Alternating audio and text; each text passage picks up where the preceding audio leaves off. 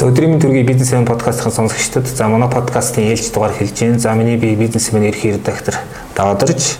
За өнөөдөр миний өрсөн зочин бол Precious Skin нэмэлгийн захирал, арьс харшил, гоо заслын эмч, ангаах ухааны магистр Нанда ирсэн байна өдрийн мэнд. Өдрийн мэнд. За баярлалаа. За тэгэхээр одоо зочны танилцуулгаас тав хүмүүс юун талаар ярихыг бас гадарсан баг тий. Өнөөдөр харшил гэдэг зүйлийн талаар ярина. За одоо ялангуяа ингээ хавар болоод дулаар нь ялангуяа дөрвөн сараас ингээ харшил гэдэг гайхалт гайхалч үйлдэл ихтэй шүү дээ тийм ээ. Тэгэхээр энэ талаар өнөөдөр нэлээд тойрч ярихаар би нанд амчиг өрсөн байна. За тэгэхээр одоо яг хуу яг аршил гэдэг хүмүүсийг ерөөхдөө мэдчих хэсгийг зүгээр яг одоо шинжлэх ухааны ойлголт нь юу юм те? Ер нь яг юу ч тодорхойлтын гэдгээс соёл бас яриага эхлэв л да тийм ээ. Аршил гэж ер нь юу юм бэ те? Яг одоо мэрэгжлийн хүний үгээр хэлвэл. За харшил гэдэг маань ерөнхийдөө нөгөө дархлааны эмгэг орол явагдаж байгаа юм процесс л та. Тэгэхээр тэгэхээр бид нар дархлаа гэж юм юу вэ гэдгийг бас товчхон ойлгох хэрэгтэй гэсэн. Тэгэхээр хүний биед болохоор дархлааны систем гэдэг маш ухаалаг юм систем байж байгаа. Тэгэхээр хөөхөд төрснөөс ахуулаад хүний гадаад орчноос тий тухайн хүний бие махбодод орж байгаа янз бүрийн одоо гадны биет бактери вирус юу гэдгийг тий тэр харь төрлийн уургийн нэгдлүүд бие махбодод ороод за түүний эсрэг маань дархлааны систем маань ажиллаад тэгээд тухайн хүнийг бол дархлааны систем тэдгэрийг одоо дарангуулах те устгах тийм үйл ажиллагаа явуулснараа тухайн хүн маань эрүүл саруул ингэж амьдрах юм нөхцөлийг бол бүрдүүлж өгж идэг дархлааны систем маань. Тэгэхээр дархлааны систем маань болохоор одоо сая хэлсэндээ хүүхэд төрхөөс ахуулаад ингэж үүсч эхэлдэг. А төрөх дөнгөж төрсэн хүүхдүүд бол эхээсээ тийм бэлэн дархлааны бодисуудыг авч төрдөг. За тэгээд 6 сартаа болсноос хойш болохоор хүүхдийн маань өөрийн дархлаа бол идэвчээд одоо бүрлдэж эхлэн гэсэн үг. За тэгтээ бол а тэгэхээр хүүхдийн маань дархлаа бол бүрэн гүйцэд боожоог учраас юм бүхэнд ийм имзэг мэдрэмтгий байна гэсэн үг. Тэгэхээр а одоо жишээлх юм бол а Тэгэхээр харшил гэдэг нь тийм үү. Тэгэхээр харшил маань болохоор дархлааны эмгэг оруул гэсэн тийм. Тэгэхээр тухайн гадны янз бүрийн эмгэг төрүүлэгч одоо их хвчлэн бол уургийн нийтлүүдийн эсрэг дархлаа маань эмгэг байдлаар өрнөсөнтэй холбоотойгоор харшил гэдэг юм үсэд байгаа. За тэгэхээр яагаад харшилтаа болоод байна вэ те яагаад одоо харшилгүй зарим хүмүүс байгаад байна вэ гэдэг нь болохоор тухайн дархлааны систем одоо төрөх үеэсээ яаж бүрэлдэн тогтсон бэ гэдгээсээ зөв бүрэлдэж тогтож чадсан уу тий дархлааны дархлааны систем маань бүрэнгүүцэд тогтсон уу гэдэгтэй холбоотой л гэсэн үг. Тэгэхээр бол одоо яг уу одоо нэг ойлголт байдаг ташил бол одоо ингээд нэг хүмүүс суурин амьдралд их одоо шилжээд ингээд яасан тийх холбоотой тийм нийтлэг одоо зөв тогтол гэдээ яриад байдаг шүү дээ тий. Тэгэхээр юу гэдгийг одоо орчин үеийн амьдралын хэм маягийн баг салсгүй хэсэг нь баг гээд үзэх гээд байна уу яг юу гэж тий ерөнхийдөө а одоо харшлыг болохоор одоо ер нь орчин үед болохоор одоо нөгөө иргэншлийн одоо суурьшлийн эмгэг гэж үзээд байгаа байхгүй юу? А ерөнхийдөө одоо нөгөө одоо эрт дээр үед гэх юм бол тэр болгон тийм харшил гэдэг өвчин бас байдаггүй байсан байна. Тэгэхээр одоо нөгөө хүмүүс ингээд суурьшмал амьдралтай болоо те хотчод ихсээд нэг дор ингэж олноороо бөөгнөрч ингэж амьдрдаг болсонтой холбоотойгоор энэ харшил гэдэг юм үүсээд байгаа. За түүнээс гадна одоо нөгөө техник технологи ихээр хөгжсөнтэй холбоотойгоор а янз бүрийн одоо химийн гаралтай тий хоол хүнс байна уу ахын хэрэглэнэ байна уу тийм бүтээгдэхүүнүүд маш ихээр хэрэглэлтэй холбоотойгоор үүсэж байгаа. За тэгээд одоо нөгөө суурьшил гэдээ ярихаар одоо нөгөө хүн маань одоо нөгөө ийм байглаасаа холдоод байгаа байхгүй юу? Тэгэхээр нөгөө хэрвээ байгальтайгаа ойр байж те төрөнгүүтэй байгальд ойрхон байж ингэж өсч бодсон болвол одоо би сая хэлсэн шүү дээ одоо нөгөө төрхтөө ээжээсээ бэлэн дархлааны бодисууд аваад төрдөг. Аа тэгээд 6 сартаагаас ихтэй өөрийнх нь дархлааны систем ажиллаж ихтэн гэж хэлсэн шүү дээ. Тэгэхээр яг тэр үед нөгөө нэг байгальтайгаа ойр байж чадсан болвол одоо нөгөө байглаасаа нөгөө нэг одоо тийм харшил төрүүлэгчүүдийг баг багаар нөгөө дархлааны систем маань одоо өөрөө таниад тий за энэ болоод ингээд хэвийн үзэгдэл хэвийн одоо уургийн бодис байна. Энийн эсрэг би болвол ингэж дархлааны систем маань өрнөх хэрэггүй юм байна гэдгийг мэдээллийг багасаа авах боломж бүрддэг байхгүй. А тэгэхээр нөгөө нэг одоо төрөнгүүтэл одоо нөгөө байшинт төрөөл те. Тэгэл нэг байшингаас нөгөө байшин руу гараал те. За тэр явж явах хооронд бас ингээд нөгөө урмал ногоо бас байна уу те. За байлаа гэхэд нөгөөх нь яг нөгөө нэг байгалаараа ургасан ногоо байна уу байж чадчихэв үү те. Тэр болгоноосоо нөгөө нэг одоо багаасаа нөгөө нэг янз бүрийн харшил төрүүлэгчүүдтэй ингэж бие махбод маань харьцаж чадаагүйтэй холбоотойгоор одоо томрсон танихгүй шүү дээ. Таньж аваагүй учраас одоо нөгөө дархлааны систем маань одоо бүрэн гүйцэд боловсон боловсрсон хойно. Нөгөө нэг уг нь бол жирийн одоо байх ёстой одоо харшил төрүүлэгчүүд маань. Одоо харшил төрүүлэгч гэж бас хэлж болохгүй. А бие махбодод одоо хэвийн ороод хэвийн одоо дархлааны систем маань өрнөхгүй байх боломжтой байсан одоо тэр бодисууд маань харшлын шин чанартай байна гэдэг нөгөө дархлааны систем маань буруу таниад байна гэсэн үг байхгүй. Тий. Тэгэхээр л ерөнхийдөө яг энэ хотчл суурьшмал амьдрал тий энэ хитрхи их одоо нөгөө техник технологи хогдсонтой холбоотой харшил гэдэг өвчин бол бараг л толгой дараалан хүмүүс юм юм. Тэгэхээр бол одоо эндээс ийм дүгнэлт гарах гэдэг нь л да. Одоо ингээд заах та бид нар бол тодорхой хэмжээгээр ингээд одоо ер нь өдөөнөөс сот руу орж ирсэн нөхдүүд шүү дээ. Багнаас өдөө өнгөрсөн тий. А гэтэл одоо одоо жишээ нь манай хүүхдүүд ингээд багасаа л ерөөсөө тэр чихэрэл хотод байгаа. Одоо юу гэдгийг байгальтай нөө ойр байх нь бол маш ховор болчиход байна шүү дээ.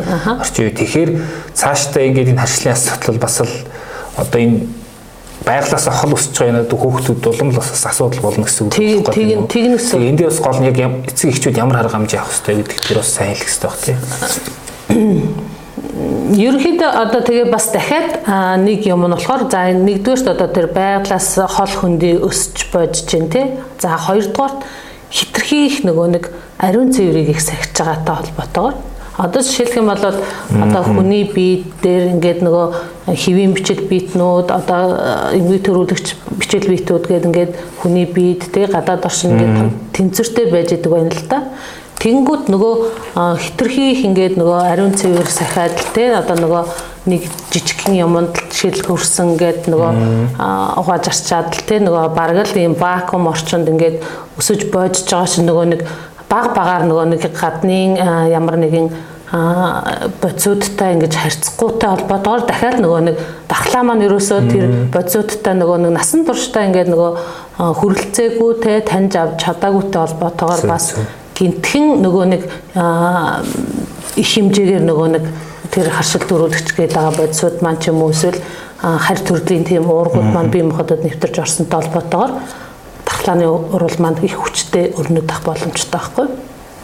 Өөрөөр хэлбэл одоо хүн чинь бол хүний биед чинь бол тодорхой ингээд биедэн ч тэр амьдарч байгаа чинь тэр бичил битнүүд байгаа шүү дээ. Янз янз ингээд бидэнд харагдвал болохоос тий. А тэр болгоны ингээд багсгаал багсгаалын хөл одоо нөгөө нэг түрүү хэлсэн багасаа тэр нэг тэр танилцаагүй дархлаан систем маань дайсан гэж буруу таниад байгаа шүү дээ. Тийм тийм тийм л гэсэн үг.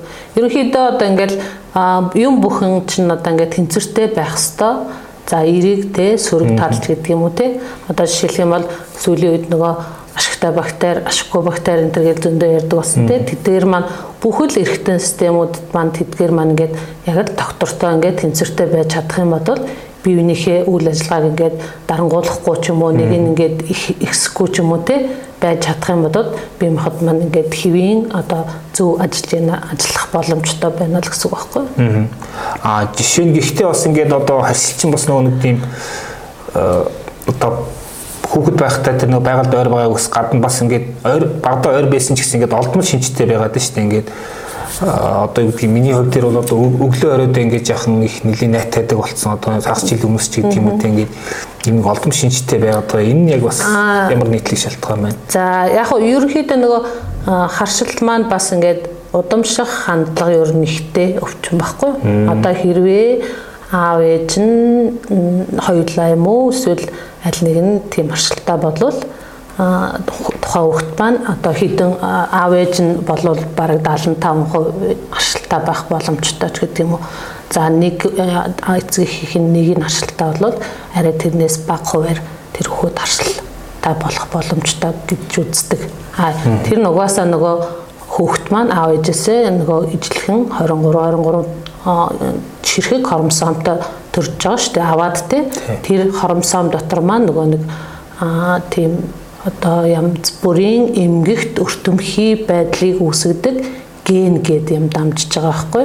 За жишээлх юм бол одоо харшлаар өвчлөх магадaltaа тийм өвөрмөц генүүд бас байдаг. Тийм ер нь бүх төрлийн өвчнүүдэд ямар нэгэн ийм өвөрмөц ген агуулж авах юм бол та ийм өвчнөр өвдөх боломжтой гэсэн ийм одоо бүр сүүлийн үеийн шинжлэх ухаанаар батлагдсан тиймнүүд байгаа хгүй. Тэгэхээр одоо ингээд хүн ингээд за би ингээд харшилтаа болчих шиг боллоо гэд ирэхээр бид нар маш сайн ингэж ярилцдаг. Аа тийм тэгээд тухайн харшил маань одоо эцэгхээс нь удамж ирсэн удамжлын шалтгаантай байна уу? За эсвэл яг хөө зүгээр тодорхой тухайн хүний тухайн үеийн бие махбодын байдалтэй за тэр дундаа дархлааны систем маань хэр тогтвортой байсан бэ гэдгээс хамаарат урд нь харшилдаггүй байсан юмнууд маань бас харшлах шин чанартай болж болно. Тэгэхээр тэрийг одоо хэрвээ удамшаад ирсэн харшил байх юм бол ерөнхийдөө дахиад үе удам дамжаад одоо нөгөө аршилт маань дараагийнхаа үедээ дамжих боломжтой. За яг сая хэлсэнтэй нөгөө олдмол гэд хэлээд байна. За төр зүрийн тухайн үеийн бие махбодын онцлогтой ч юм уу холбоотойгоор үүссэн болоод тэр маань бас эргэх те дахиад тэрнээсээ харшлахгүй байх боломжтой бас байж болно гэсэн ямар төрлийн харшил вэ гэдгээсээ л хамаарна гэсэн. Аа тэгэхээр харшлын шалтгааны талаар бас жоох ярьлаа. Одоо яг нөө яг харшил бол угаасаа ингээд манай бидний одоо бас нэг салшгүй асуудал болсон байнга хаавар болохоор ингээд гарч ирдэг асуудал болсон. Тэгэхээр одоо нэг яаж зөв имжлэх вэ гэдэг бас нэг юм өнцөг байх гэдэг тийм. Одоо юу гэдгийг намайг бол ингээд зөв чи нөгөө нэг им аваад уучих гэдэг нэг гэж одоо ойрдохныхан бол тэг зөвлөх жишээтэй. Ер нь тэгж болдго юм уу тий. Тэр ер нь яаж харшилтай болцсон бол яг авах арга хэмжээний үе тэр имчилгээг яаж зөв хийх вэ гэдэг дээр та юу хэлв? Мэдээж хамгийн түрүүнд онцлуулна За одоо одоо одоо хамар битүүрээд байгаа тий. За ганцхан ингээд хамар битүүрээд байх зовөр болвол харшлын шалтгаантай биш байх боломжтой байхгүй. Тэгэхээр хамрын өөр төрлийн эмгүүд байж болно. Тэгэхээр яг мэрэгжлийн эмчэд эхлээд хандах нь байна. Яг энэ үнэхээр харшил мөн үгүй юу гэдгийг онцлуулна гэсэн. За тэгээд а онцлуулахад болвол одоо одоо хит хитэн төрлөөр онцлуулж болно л доо. За яг хөө ингээд эмчтэйгээ ярилцаж үзэж байгаа. За ингээд харшил байх боломжтой юм байна гэж үзэх юм бол нь харшлын сорил тавиудна гэсэн. За тэгэхээр тухайн одоо хүн маань хүнээсээ асууна л да. Яг яг яахаар танд энэ зовөр илрээд байна тий?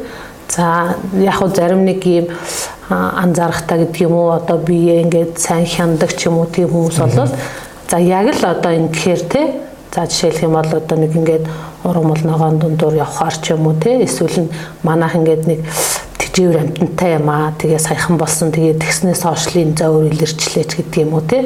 За эсвэл нь одоо нэг шинээр нэг үнэртэн гоо сайхны бүтээгдэхүүн авсан тэрнээс хойшлон гिचлээч гэдэг юм уу? Тийм тэгээ тэгээ тэр ингэж хэрвээ яг тийм юмнаас болоод байх шиг байна гэдгээ тухайн хүмүүс хэлж чадах юм бол нь онцлогоо ихэд арай дөхөн болно гэсэн.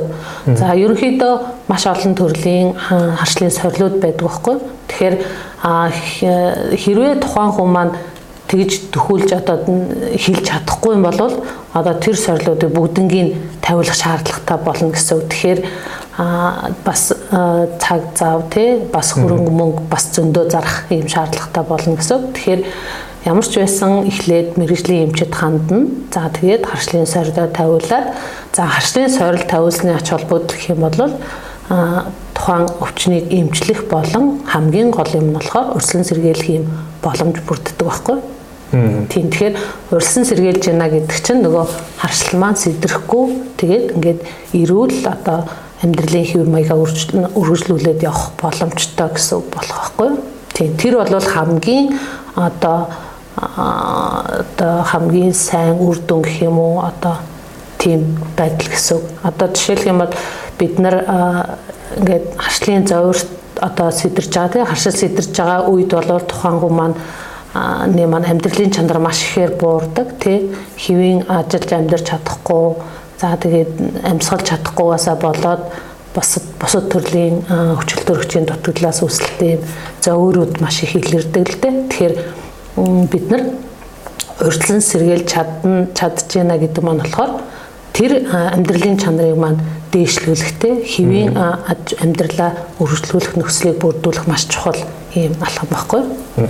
Ер нь хашлын им гэж яг юу юм бэ те? Бас одоо бас манайхан зарим хэлдэг ингээд өө нэг тим тариа байдаг одоо тэрийг хийлэгчэхэд бол жилдээ одоо тэтэн жилдээ ч юм уу санаа зовлтгүй энэ төргээд шууд ингээд одоо ямар нэг таны хэлснээр эмнэлэгт очихгүй нэг хэрэглээд байх шиг байна. Энэ нь одоо ямар үр дагавартай байж болох уу? Энэ тал дээр та юм. Тийм. Ер нь одоо нөгөө нэг одоо сүүлийн үед нөгөө сошиал медиа гэд те одоо нөгөө мэдээллийн хэрэгсэл маш чөлөөтэй болсон байна тий хүн бас хангалттай хэмжээгээр зөвч бай бурууч бай мэдээллийг авах боломж айгүй нээлттэй болцсон байна энэ талаас талаараа бол бас зөв мэдээллийг авч чадж байгаа боловч бас тэр буруу мэдээллийг аваад тэр одоо сөрөг нөлөө бас маш их гарах юм боломжтой болцсон байна л да. Тэгэхээр а бас одоо тухайн хүний сонголт юм л да тий Уг нь бол тий мэрэгжлийн эмчид цаг заваа зарцуулаад өөрийнхөө эрүүл мэндийн төлөө шүү дээ. Цаг заваа зарцуулаад яг мэрэгжлийн эмчдэр очиод эмчилгээ яг өөртөө тохирсон. Хичнээн одоо нөгөө харшлын эмчилгээгээ тогтсон тий эмчилгээнүүд байдаг боловч яг тухайн хүн тохирсон эмчилгээ гэдэг бол нэг л хувь байгаа байхгүй. Тийм тэгэхээр тэр л эмчилгээг тэр хүн уг нь бол мэрэгжлийн эмчдэр очиод авах. Авснаар илүү үр дүнтэй эмчилгээгээ хийлгэнэ гэсэн үг байхгүй. Тэгэхээр одоо яг эмчид очиж чадахгүй тохиолдолд яг харшлын одоо одоо эмийг бол одоо зөвөр нөгөө хүнс авж байгаа юм шиг одоо чөлөөтэй авах юм болцоотой байдаг нь бас нэг талаараа бас хөрөгнөлөөтэй байгаа хгүй. Одоо нэг аптек захын аптект ороод тий за за өөрөө хэлдэг ч юм уу эсвэл өөрөө харшаал гэж оншилчаал тий би нэг харшлын юм авчиг гэлтэхэд заамаа гэл өгж байгаа байхгүй. Тийм тэгэхээр бас энэ бас нэг тухайн хүнийг одоо буруу имчилгээ хийхдээ имчилгээний сөргөнөлөө гарах юм бас нөхцөлийг бүрдүүлж байгаа. За түрүүн хэлсэн нөгөө дааврын бэлтгэлийг хүмүүс маш замбраагүй хэрэгэлдэг. Тийм тэгэхээр яг мэдээж тэр даавар имчилгээ бол харшлын имчилгээнд угаасаа байдаг стандартад байдаг имчилгээ боловч маш хүчтэй. За тэгээд сөрөг нөлөө их гардаг. Заавал мэрэгжлийн эмчийн хяналтанд ор тодорхой хугацаагаар заалтаар хийдэг юм эмчилгээ байхгүй. Сөрөг нөлөө гэдэг нь. Тийм, сөрөг нөлөө гэхээр а за хамгийн нэгдүгээрт одоо даавар гэдэг маань угаасаа хүний бие махбодод одоо дотоод шүүрлийн булчирхаан эрхтнүүдээс ялгарч идэг юм угаасаа бодисын зөв зохицуулж идэг юм job баг хэсэг байгаа байхгүй. За тэгэхээр ийм багахан хэмжээгээр бол маш их өр нөлөө үзүүлж идэг ийм бэлтгэл. А яг одоо нөгөө нийлэгжүүлээд гараад ирсэн учраас бэлтгэл гэж аа ер нь бол бие махбодод үүсч идэг ийм медиатор гэдэг одоо биологийн идэвхт одоо бодис гэх юм уу тийм байгаа. За тэгэхээр хамгийн нэгдүгээрт болохоор одоо тэр даавар бол хүний биед ингээд хэвийн үедээ ингээд үүсэж яхна штэ. Тэгэнгүүт маш өндөр тунгаар замбраагүй хэрэгэлсэнтэй холбоотойгоор тэр бие махбодод үүсэж байгаа дааврыг дарангуулах юм үйлчлэг үзүүлдэг. Тэгэнгүүт бие махбодоос нөгөө даавар маань ялгархгүй болчихно гэсэн үг шүү дээ. Тэгэнгүүт одоо тэр хүний бие чинь түрүүн хэлсэнтэй маш юм ухаалаг ийм нэг уруулал нь нөгөө уруулаа ингэж дэмжиж яадаг үүсч яадаг те ингээд цикл маягаар явж яадаг. Тэгэнгүүт одоо нэг хэсэг нь ингээд таслагдаад зогсчих юм бол бодисын солилцоо маань те одоо жишээлх юм уу дархлааны урал маань энтергээд тасалдаад одоо буруу тишээ явагдана гэсэн үг байхгүй. Тийм тэгэхээр зүгээр одоо эхний удаад ч юм уу тэр байдал нь бол тухайн хүнд мэддэхгүй байж болно. Дахин давтан олон дахин хэрэгсэнтэй холбоотойгоор гажууд л үсч тэр нь засрах боломжгүй тийм байдалд хүрэж байгаа. За за яг хуу яг ингээд нүдэнд харагдах хууц өөрчлөлт гэх юм бол одоо дааврыг замбраагүй ирүүлсэнтэй холбоотойгоор ийм хөөнг хиймлэр хөөнг байдал үүсдэг байхгүй. Тэгэхээр одоо нөгөө ямар нэгэн тэр дааврын бэлтмэл одоо хуцаар хэрэгэлсэнтэй холбоотойгоор одоо ингээд таргалсан таргалчлаа гэд хүмүүс ингээд яриад байдаг байхгүй. Тэгэхээр тэр маань болохоор тухайн дааврын бэлтгэлийн маань гаж нөлөө гарч ийна гэсэн үг байхгүй. За түүнээс гадна ямар хэлбэрээр хэрэгэлсэн байна гэдгээс хамаарат ходоод эзний шархлаа үүсгэж байд юм уу тий. За тэр нь цаашаа даамжраад одоо ходоод эзний цоорл үүсгэх тий. Тиймэрхүү за цаашлах юм бол бүр хавдар үсгэж байдаг юм уу? Тиймэрхүү. Ингээл яг л ингээл нөгөө нэг нэг эхлээл нэг жижигхэн өөрчлөлт өгж байгаа юм шиг боловч тэр нь цаашаа даамжраад даамжраад бусад ийм хүндрэлүүдийг үүсгэх юм боломжтой гэсэн. А ерөн зүгээр хав зарим харьцч ингээ бүр нийлээ хүнд хэлбэр юм байгаад шиг үнтэй одоо ингээл хамар битүүрээд өлмөс гоожол ингээл тийм хүмүүсийг харсан л да ингээ үнэхээр өрөвдөлтөй харагддаг тий. А гэхдээ харшлын юу гэдгийг бүрэн эмчилнэ гэсэн ойлголт тэр нь байхгүй ингээд бүр байхгүй болгоно гэсэн. Аа За хашил маань болохоор бас дотроо бас ингээд ангилж үзэж болно. За жишээлх юм бол одоо сая бидний одоо яриад байгаа тий хамар битүүрөх, нус гоож авах тий одоо нулимс гоож авах, нүд удаах, захтнах, чих захтнах, хоолой захтнах эднэр болохоор амьсгалын замын одоо харшлын зовөр баггүй. За тэгэхээр бас одоо хүний биед хүрлцсэн одоо металл эдлүүд юм уу за эсвэл одоо нөгөө химийн бодисууд түрүү хэлсэнтэй бие махбодод хүрлцсэнтэй холбоотойгоор юм уу за эсвэл нь харшаалдаг уусантай холбоотойгоор эмийн харшаал гэж үүсгэх нь байна. За мөн одоо нөгөө амтны амтанд хазуулсантай холбоотойгоор бас Гэт эднэр маань болохоор арсны харшил үүсгэж байгаа байдал баггүй. Тэгэхээр нэг болохоор амьсгалын зөөр илэрх нь нэг болохоор арсан дээр тууралт гараад захтнах маажих тийм зөөрүүд илэрж гин гэсэн үг. За тэгэхээр ер нь бол тухайн бие махбод ямар нэг юмд мэдрэг болно гэдэг маань дархлааны систем маань за энэ бол одоо харь төрлийн юм байна За энэ бол бие махбодод орж ирэх юм бол би энийг устгахын тулд те арилгахын тулд бие махбодоос зайлуулахын тулд би ажиллах ёстой гэдэг мэдээлэл суучж байгаа хгүй. Тэр бол насан туршид байгаад үлдэх учраас одоо нөгөө харшил маань бол бүрэн идэгдэг ийм өвчин биш болоод байгаа юм. Тэгэхээр одоо ургамлын харшаал гэд хэлэх юм бол нь яг одоо ямар ургамал вэ гэдгээс хамаарат 4 сараас За 9 сарын дунд юм уу 9 сарын сүүл хүртэл одоо нөгөө амьсгалын замын маань энэ харшлын зөөр маань илэрж байгаа шүү дээ. За тэгэнгүүт яг нөгөө нэг ургамлын маань тоосчлт нь буугаад нөгөө ургамал ногоо хагдраад ирэнгүүт нөгөө харшлын зөөр маань зүгээр болчихно гэсэн. За энэ хүн уйдэгцэн үү? Үгүй. Идгээгүй, идгээгүй байгаа хгүй? А яг нөгөө нэг тухайн дархлааны системийг өдөөгд байгаа нөгөө аршил дөрүүлэгч маань бид орохгүй учраас нөгөө дархлааны систем маань ийм намжуул байдалд орчиж гин гэсэн үг. За тэгэнгүүт магадгүй нөгөө хүмүүс маань ингээд харшлын зовир маань арилчингууд одоо нөгөө харшилтаа гэдгээ бараг л мартаж эхэлнэ гэсэн үг. Тэ тэгэхээр нөгөө за яг хаа анх удаага нөгөө харшил сэтэрсэн хүн одоо харшил үүссэн хүн болвол за мэдээлэл хэрвээ авч чадахгүй болвол за яг хөө ингээд нэг төр зурч юм уу нэг ийм зөөр илэрлээ одоо гээд тэгэл мартчихна. За тэгэнгүүт нөгөө дараа жил дахиад нөгөө ургамал ногооч нь урган шүү дээ. Тэгэхээр дахиад нөгөө зөөр маань илэрч эхэлнэ тий. Тэгэхээр тэрнээс өмнө одоо 9 сарын сүүлээс ч юм уу 4 сар хүртэлх энэ хугацаанд болохоор тэр харшлаа тодорхойлуулах ийм гол үе маань байгаа хгүй. Тэгэхээр хүмүүс маань яг энэ үедээ л харшлаа тодорхойлуулснараа дараа одоо нөгөө нэг харшил маань сэдрэх үед тэр харшлаа хөнгөн давах те а нөгөө зөвөргөө давах те нөгөө нэг амьдралын хэвийн үйл ажиллагаагаа явуулах те нөгөө амьдралын чанар маань дээшлэх юм болцоог олгож байгаа байхгүй. Тэгэхээр одоо одоо юу юугүй л нөгөө Тий. Харшлын улирал маань улирал маань эхлэх гээд байдаг. Тэгэхэд одоо бид нар за хүмүүсээ ирээд нөгөө харшлын сорлоо тавиулаач ээ. За тавиулснараа та нар одоо ийм ийм чалуудалтай шүү дээ гэл одоо мэдээллийг одоо бүхэл одоо суугаар л одоо хүмүүст хүрэхийг л хичээж л байгаа л да. А ер нь одоо зүгээр тодорхой хугацаанд нэг харшлын асуудалтай яваад байгаа тий. За одоо яанда нөгөөтг чи эхлэндээгээд бодож байгаа хүмүүс та ер нь яг зүгээр яг юу зөвлөх вэ ингээд товчхон хэлвэл Тэг яг хэрвээ э, тодорхойлуулаагүй бол тий харшлаа тодорхойлуулж амжаагүй байгаа бол н одоо яралтаа ирээд харшлаа тодорхойлуулаа мэрэгжлийн эмчит хандаад тий одоо тухайн хүн хэлнэ штэ за жишээлх юм бол 4 5 сард болохоор модлог урамлын харшил байдаг байхгүй.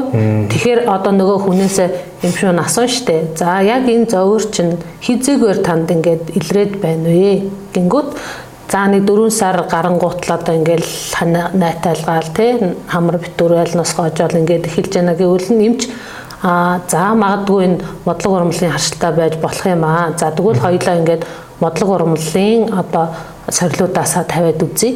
Гингүүт магадгүй тэр харшлын одоо сорил маань бол эерэг гарах магадлал өндөртэй гэсэн үг байхгүй. За тэгснээр одоо тэгж э, бид нар ингээд юунд харшилтгаа мэдсний ач холбогдох юм бол урьдчилан сэргийлэх боломжтой гэж хэлсэн шүү дээ. Тэгэхээр яг одоо тэр харшлынх нь зовөр илэрхээс өмнө за огтулсан эмчилгээнүүд гэж байдаг байхгүй. Одоо дархлааны системийг мэдрэггүйжүүлэх гээд ийм эмчилгээнүүд бас байдаг. Яг л стандарт олон улсын стандартад хийгддэг эмчилгээнүүд. За одоо нөгөө хэлсэн шүү дээ нөгөө хэрвээ тухайн одоо нөгөө хүүхэд маань багасаа нөгөө байгальд ойрхон байж байгаа л нөгөө баг багаар нөгөө гадны харь биетүүд маань бие махбод ороод тий дархлааны систем маань мэдэж аваал тий за энэ бол хэвэн юм байна хэвэн юм байна гэдэг ингээд авж амжуулна харшилтаа болохгүй байх боломжтой гэж хэлсэн шүү дээ. Тэгэхээр одоо нөгөө мэдрэггүйжүүлэх гэдэг эмчилгээ бол яг энэ зарчим дээр явагддаг.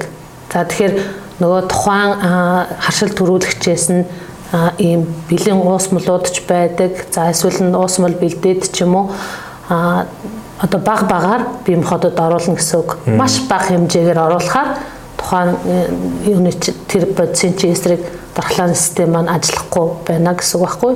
Тухайн хүнд хүний дархлааны систем мэдрүүл одоо нөгөө энэ бол одоо харь төрлийн юм биш ээ. Энийн эсрэг заавал ажиллах шаардлагагүй. Тэгэхээр одоо 50 байж гэдэг юм уу те. Тийм л мэдээллийг одоо бага багаар бие махбодод оруулж яана л гэсэн үг байхгүй. Тэгэхээр тийм имчилгээ бол угаасаа олон улсад хийгддэг. За Аа манай Монголд болохоор яг хуу шарилчны эсрэг тийм вакцин байдаг. Цацлага эмчилгээ байдаг. За мөн гаднаас орж ирсэн уудаг тийм бас эмчилгээ байдаг. Тэгэхээр тэр тэд нар маань ингээд олон тунтай байж идэг байхгүй. Одоо жишээлх юм бол арсны өвчин судлалын төвд дээр шарилчны вакцин гэдэг хүмүүс ерөнхийдөө бол мэддэг болсон олон жил хийж байгаа учраас ингээд олон туншилтай одоо нөгөө савлаатай гэсэн үг одоо тухайн аллергена ингээд нөгөө маш бага хэмжээгээр ингээд шингэрүүлэлтээр ингээд янз бүрийн хэмжээгээр шингэрүүлсэн ингээд байх нь шүү дээ. Хамгийн багадаа одоо нэг харьцах хэд байдгийн хамгийн багаас нь эхлүүлээд ингээд 7-7 хоногор ингээд хийдэг эмчилгээ байдаг хгүй. Тэгэхээр энэ эмчилгээ бол бас яг хэрвээ шарилчны ашигтай байвал нь маш үр дүнтэй байдаг юм эмчилгээ байна. А ер нь зүгээр амьдралын хэв маяг талаас наваад үзвэл яг хашилгүй хүн ч гэсэн одоо ирээдүйд харьцтай болох боломжтой. Боломжтой гэсэн үг тийм. А тэгэхээр одоо юу гэдгийг бусад өвчин эмгтээд нь урчин сэргийлэхийн тулд яг амьдралын хэв маяг талаас юун дээр анхаарах хэрэгтэй гэдэг нэг гол зарчим байг байна тийм. Мэдээж одоо нөгөө эн чин дархлааны л агаат гарах хэрэгэл одоо байж болох юм. Дархлаанаас одоо эмгийг уруул учраас дархлаагаа л доктортой байлгах ёстой болоод байна гэсэн үг тийм.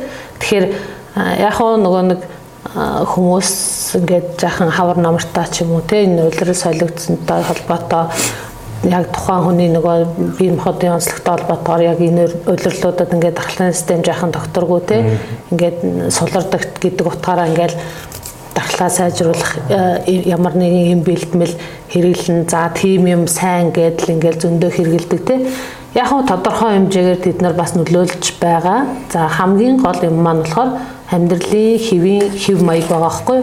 За хамгийн нэгдүгээр зөв хоолундаа идэх нь байна. За тэгээд одоо унтах идэх хоёр ч болвол яг л хүний одоо хамгийн чухал биологи хэрэгцээ шүү дээ тий. Тэгэхээр а хоол хүнс маань маш зөв байх ёстой. За дараагийнх нь болохоор сайн хангалттай нойр авах ёстой. Тийж чадах юм бол нь тухайн хүний маань бие организм зөв ажиллах нь дахлааны систем маань доктортой байх боломжтой гэсэн үг. Аа Precious эмнэлгийн тухай скин гэдэг эмнэлгийн тухайд бол ерөөд яг танах ямар үйлчлэгийг илүү үзүүлж байна те ямар асуудалтай хүмүүс илүү нийтлэг танад дээр ирж байна та нар яаж тусч байна гэдэг дээр яах яриач. Манай эмнэлэг болохоор ерөнхийдөө арьс харшил гооцлын чиглэлээр одоо мэрэгсэн эмч нар ажиллаж байгаа ийм эмнэлэг байгаа. За тэгэхээр яг нөгөө тэр одоо жишээлх юм бол одоо арсны эмгүүд байна. За арсны эмгүүд нь харшлын болоод харшлын бус шалтгаантай гэдээ бас төрөл бүрээрээ байдаг. За дахиад нэг юм нь болохоор одоо харшлын чиглэлээр яг мэрэгсэн эмчилгээ үйлчлэгээ явуулж байгаа. Тийм тэгэхээр хамгийн хамгийн нэгдүгээрт одоо бид нэг онцлогоо хийнэ гэдэг байгаа шүү дээ. Тэгэхээр манай дээр болохоор арьс хатгах сорилыг болохоор 23 үзүүлэлтээр хийж байгаа. За тэрэн дотор нь юу байдг вэ гэхээр нөгөө сая хэлсэн амьсгалын замын тий ургамдын тоосонцор байна. За нөгөө нэг амтны ус ноос, за нөгөө тоосны ачиг энэ төр гээд тиймэрхүү юмнууд. За тэгээд дээрэс нь хоол хүнсний аршлууд а сорилууд байгаа хгүй. За тэгэхээр үзүүлэлт болгоноор гэсэн чинь одоо тэгэхээр 23 гэхээр 23 төрлийн аллергенаар сорил давж байна гэсэн. Тэгэхээр хатгах сорил учраас хатгах сорилыг бас нөгөө хийх заалт гээд бас тустай байдаг хгүй. Тэгэхээр хамгийн нэгдүгээрт харшлын юм уугаагүй 72 цаг болсон байх хэвээр. Одоо одоо одоо ингээл аптекаас ороод харшлын юм авах боломжтой байгаа учраас магадгүй тэр хүн ингээд ямар нэгэн шалтгаанаар одоо харшлын юм уудсан байвал нь сорил тавиул болохоо байчнаа л гэсэн. Тэгэхээр хэрвээ харшлын сорил тавиулъя гэд бодож байгаа болвол нь сүүлийн 72 цагт харшлын сорил тавиулаагүй байх хэвээр. За дараагийн нэг юм нь болохоор шууны дотор талд сорил тавьдаг байхгүй. За тэгэхээр энэ хамгийн тохиромжтой хэсэг гэсэн. За тэгээд тийм учраас одоо шууны дотор талд маань ямар нэгэн эмгэг тууралт байхгүй байна гэсэн хэрвээ тууралт юмнууд байх юм бол нөгөө сорилоо бид нар дүүнэхэд хэцүү болчихно гэсэн. За дараагийн нэг юм нь болохоор ерөнхийдөө сорил э, тавих хугацаа нь болохоор 15 минут байдаг. Тэгэхээр яг ингээд 15 минут хөдөлгөөнгөө сууж чадах насны хүм хэрэгтэй гэсэн. Тэгэхээр яг ер нь бол сорил нэг айхтар тийм насны заалт бол байдаггүй. Яг хуу одоо нөгөө нэг бүр нялх те хүүхэд бол угаасаа дархлааны тогтолцоо маань нөгөө бүрэн боожээгүй те бүрлдээгүй байгаа учраас тэнд бас тавихгүй байна гэсэн үг. За бас хитрхи өндөр настай болчулна бас дархлааны систем бүх бодисын сүлцээ маань ингээд өөрчлөгдсөн, буурсан байгаа учраас бас хариу урал үзүүлэх нь бас өөр болчихно гэсэн. Тэгэхээр яг насны хязгаар гэхээр яг саялсан те нэг 15 минут доктортой ингээд сууж чадах наснаас эхэлж тавина л гэсэн гэсэн үг тий. Аа 72 цаг гэдэг чи одоо 3 3 хашил эхэлсэн үед бол бас жаахан асуудалтай шүү дээ. Яг нөгөө тэгэхээр нөгөө эхэлчихвэл төвчгэд хэцүү шүү дээ. Тийм тэгэхээр нөгөө хатах сорилыг бас нэг хийх заалт маань болохоор харшилмаа сэдрээгүй байх хэвээр. Тэгэхээр хатах сорилыг болохоор 10 сараас 4 сар э, харшил хөдөлгөхөөс хооронд л хийлэнд гэсэн. За дахиад нөгөө нэг цуснд харшил тодорхойлж болно гэж хэлсэн шүү дээ. Тэгэхээр тэр бол улирал хамаарахгүй, харшил сэдэрсэн байна уу хамаарахгүй, нас бас хамаарахгүй хийж болно гэсэн. Тийм тэгэхээр яг хөө тэр цуснд үздэг сорилын давуу тал нь бол сая хэллээ шүү дээ. Ямар нэгэн ийм нөхцөл нь гайгүй За ганц ийм сул тал нь гэх юм бол жаахан үнэтэй байдаг. Яг нь үнэн нь бол мэдээж тэр нөгөө нэг уруулж бодис хэрглэж байгаа олон төрлийн харшлыг угаасаа нэг дор ингээд онцлох боломжтой байдаг. Тусгай тоног төхөөрөмж энэ төр үнэтэй юу хэргэлдэг учраас тэрнтэй холбоотойгоор үнэтэй байх боломжтой гэсэн үг. Тийм тэгэхээр уг нь бол харшлаас идрээгүй байхдаа хатгах сорил бас харьцангуй э, хямдхан гэж үзэж болно. Тийм нэг ширхэг нь 5000-аар тавьж जैन. Тэгээд бүх сорилыг нэг зор тавих шаардлагагүй тий тухайн хүмүүс маань эмчтэйгээ зөвлөдөөд яг өөрт хэрэгцээтэй сорилоо тавих боломжтой гэдэг утгаараа уг нь хатгах сорил маань арай илүү тий нөгөө нэг өртөг багтай. Өртөг багтай учраас одоо олон хүн энэ үйлчлэгийг авах боломжтой гэдэг юм уу тэгж хэлж болно. Ер нь яг зүгээр одоо манайд хашлын аль төрөл нь илүү даван болж байна одоо эсвэл танаа үйлчлүүлэгчдээс сарах юм уу. Яг уу ерөнхийдөө янз бүр тэгэхээр одоо жишээлх юм бол амьсгалын замын харшил гэх юм бол одоо нөгөө Монгол орны нөгөө ургамал зүүн онцлогтой холбоотой байж болно гэсэн үг. За энэтэй холбоотойгоор нөгөө бас нөгөө харчлын сорил бэлтгэхтэй яг нөгөө өөрийн оронд үйлдвэрлэгдсэн ч юм уу те одоо нөгөө өөрийн оронд ургаж байгаа л ургамлаас гаргаж авнаа л гэсэн үг шүү дээ. Тэгэхээр тэр нь арай илүү одоо монголчуудад тэг хүмүүст илүү үр дүнтэй онцлогоо ихэд ач холбогдолтой байж болно гэсэн үг. За яг ерөнхийдөө шарилжны харшил болвол нэлээд түгээмэл байдаг За тэгээд тэр шарилж маань болохоор нөгөө нэг хог ургамал гэдэгт ордог. За тэгэхээр нөгөө хүмүүс ихэвчлэн л нөгөө шарилж шарилжил гээл бодоод байдаг боловч нөгөө хог ургамал гэдэгт чинь бас нөгөө өвс нөгөө зүлэг өвс гэдэг бас багтдаг байхгүй одоо нөгөө ургамал зүгээрээ гэсэн үг шүү дээ. Тэгэнгүүт нөгөө нэг хүмүүс чинь ингэдэг шүү дээ.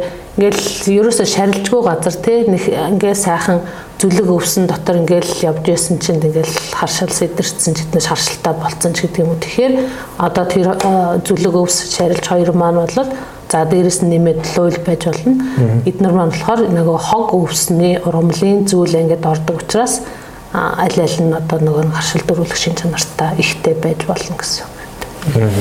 Аа за баярлалаа. Тэгэхээр маш хэрэгтэй мэдээлэлүүд авлаа. А ихтэй харшил гэдэг нь одоо мэрэгжлийн бус миний хувьд одоо хувьд бол бас юм нэлийн өргөн сэдв те.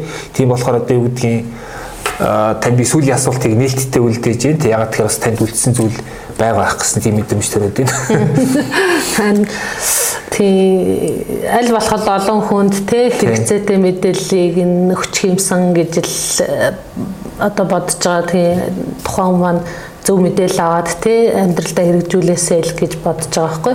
Тэгэхээр бид нар ингээд харшлаа тэгээ тухайн хүн харшилж байгаа юмаа мэдэж авсны ач холбогдол юм бол хамгийн чухал юм маань болохоор тухайн харшлаасаа урьдчилан сэргийлэх бүрэн боломжтой болдог байхгүй.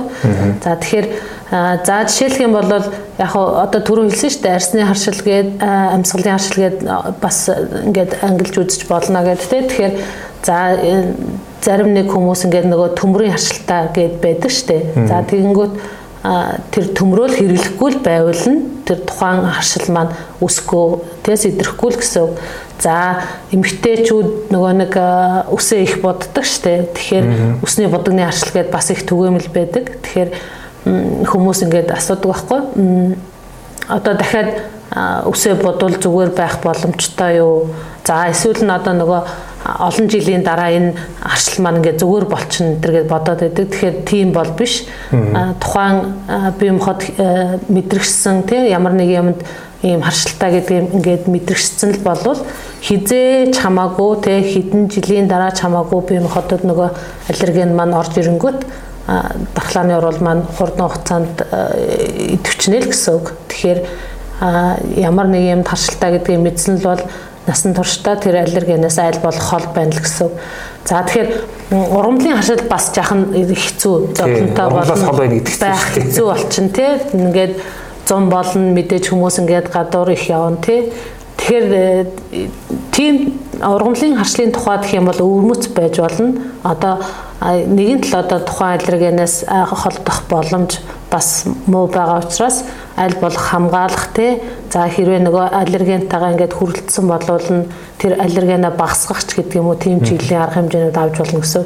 За жишээлх юм бол яг ингээд тухайн нөгөө нэг харшлын улирал нь ихэлсэн үед гадуур явах юм бол нүдний шил зүүн гэсэн. За нөгөө аллерген гэдэг маань болохоор нөгөө ургамлын аршил яриад байгаа шүү дээ. Тэгэхээр ургамлын тоосонцор би хүний бие махбодод ороод байна л гэсэн үг шүү дээ. Тэгэхээр тэр ургамлын тоосонцрууд маань хүний биеийн дээр ингээд буун За салстаар орох нь байна, амьслын замаар ингээд орох нь байна тийм учраас нүдний шил зүүх юм бол нь одоо нөгөө хашил дөрүүлэгч маань нүдний салстаар бие махбодод нэвтэрч орох замыг нь тодорхой хэмжээгээр хаагаад байна гэсэн үг шүү дээ. За тэгээд бас маск зүүх нь байна тий. За маск маань бас нөгөө нэг хамрын салстаар нөгөө аллерген маань орхоос бас хамгаалж өгч байна. За 100% биш юмаа гэхэд тодорхой хэмжээгээр багасгаад хүний биед орж байгаа нөгөө хэмжээнд бага байх юм бол нөгөө харшлал маань бас багс идэрэхтэй эмнэл зүй маань арай хөнгөн байх боломжтой гэсэн үг байхгүй. За тэгээ бас гаднаас орж ирээд нөгөө гадна гадуур явж исэн тий өмсч явж исэн хувцснуудаа тэр дорн солих нь байна. За нөгөө хүний ус маань хамгийн их бохирдол юмнуудыг те тоос байна уу бохирдол юмнуудыг хамгийн их өөртөө ингэ шингээж авч яадаг учраас толгоогоо угаах нь байна. За нүүр гармаараа сайн угаах нь байна. Боломжтой бол гаднаас орж ирэнгүүтээ хувцас солиод усанд орох юм бол нөгөө хүний бие дээр тогтсон байгаа нөгөө аллергенууд маань тодорхой хэмжээгээр багасна гэсэн үг байхгүй. За тэгээд дараагийн нэг юм болохоор мэдээж тэр чинь ургамал одоо 100 100-ны улирал тэгэхээр нөгөө гарч уулалт хийх болно тий. Тэгэхээр яг өглөөний 4-өөс 10 цагийн хооронд юм уу орой 5-аас 10 цагийн хооронд ингээд нөгөө ургамлын тоосонцор маш идэвхтэйгээр агаарт идчихэдэг үе байдаг байхгүй. Тэгэхээр тэр үед одоо нөгөө салхивчаа нээхгүй байх нь байна. За нээх шаардлагатай болох юм бол одоо бас юм өгдсөн байна те шүүлтүртэй тийм хамгаалтын одоо юмнууд хэрэгэлдэх хэрэгтэй гэдэг юм уу. За дахиад нэг юм нь болохоор одоо хүмүүс ингэдэг штэ нөгөө айрыг ууцсан чинь нөгөө харшил маань ингээд их сэтэрсэн тий. Тэгээд ихссэн ч гэдэг юм уу. За тэгээд нөгөө 100 штэ тий. А өвөл болохоор нөгөө айргаа ухах зүгээр байгаад байдаг.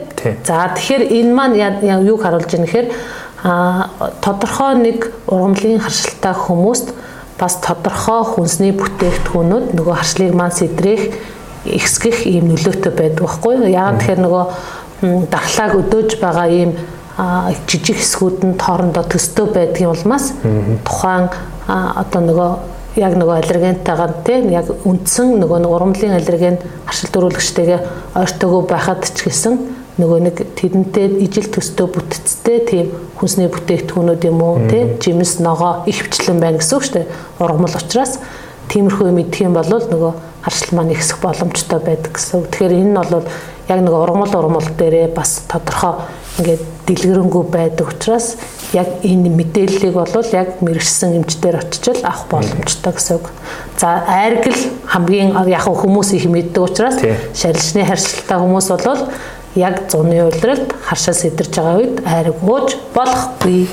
За баярлалаа.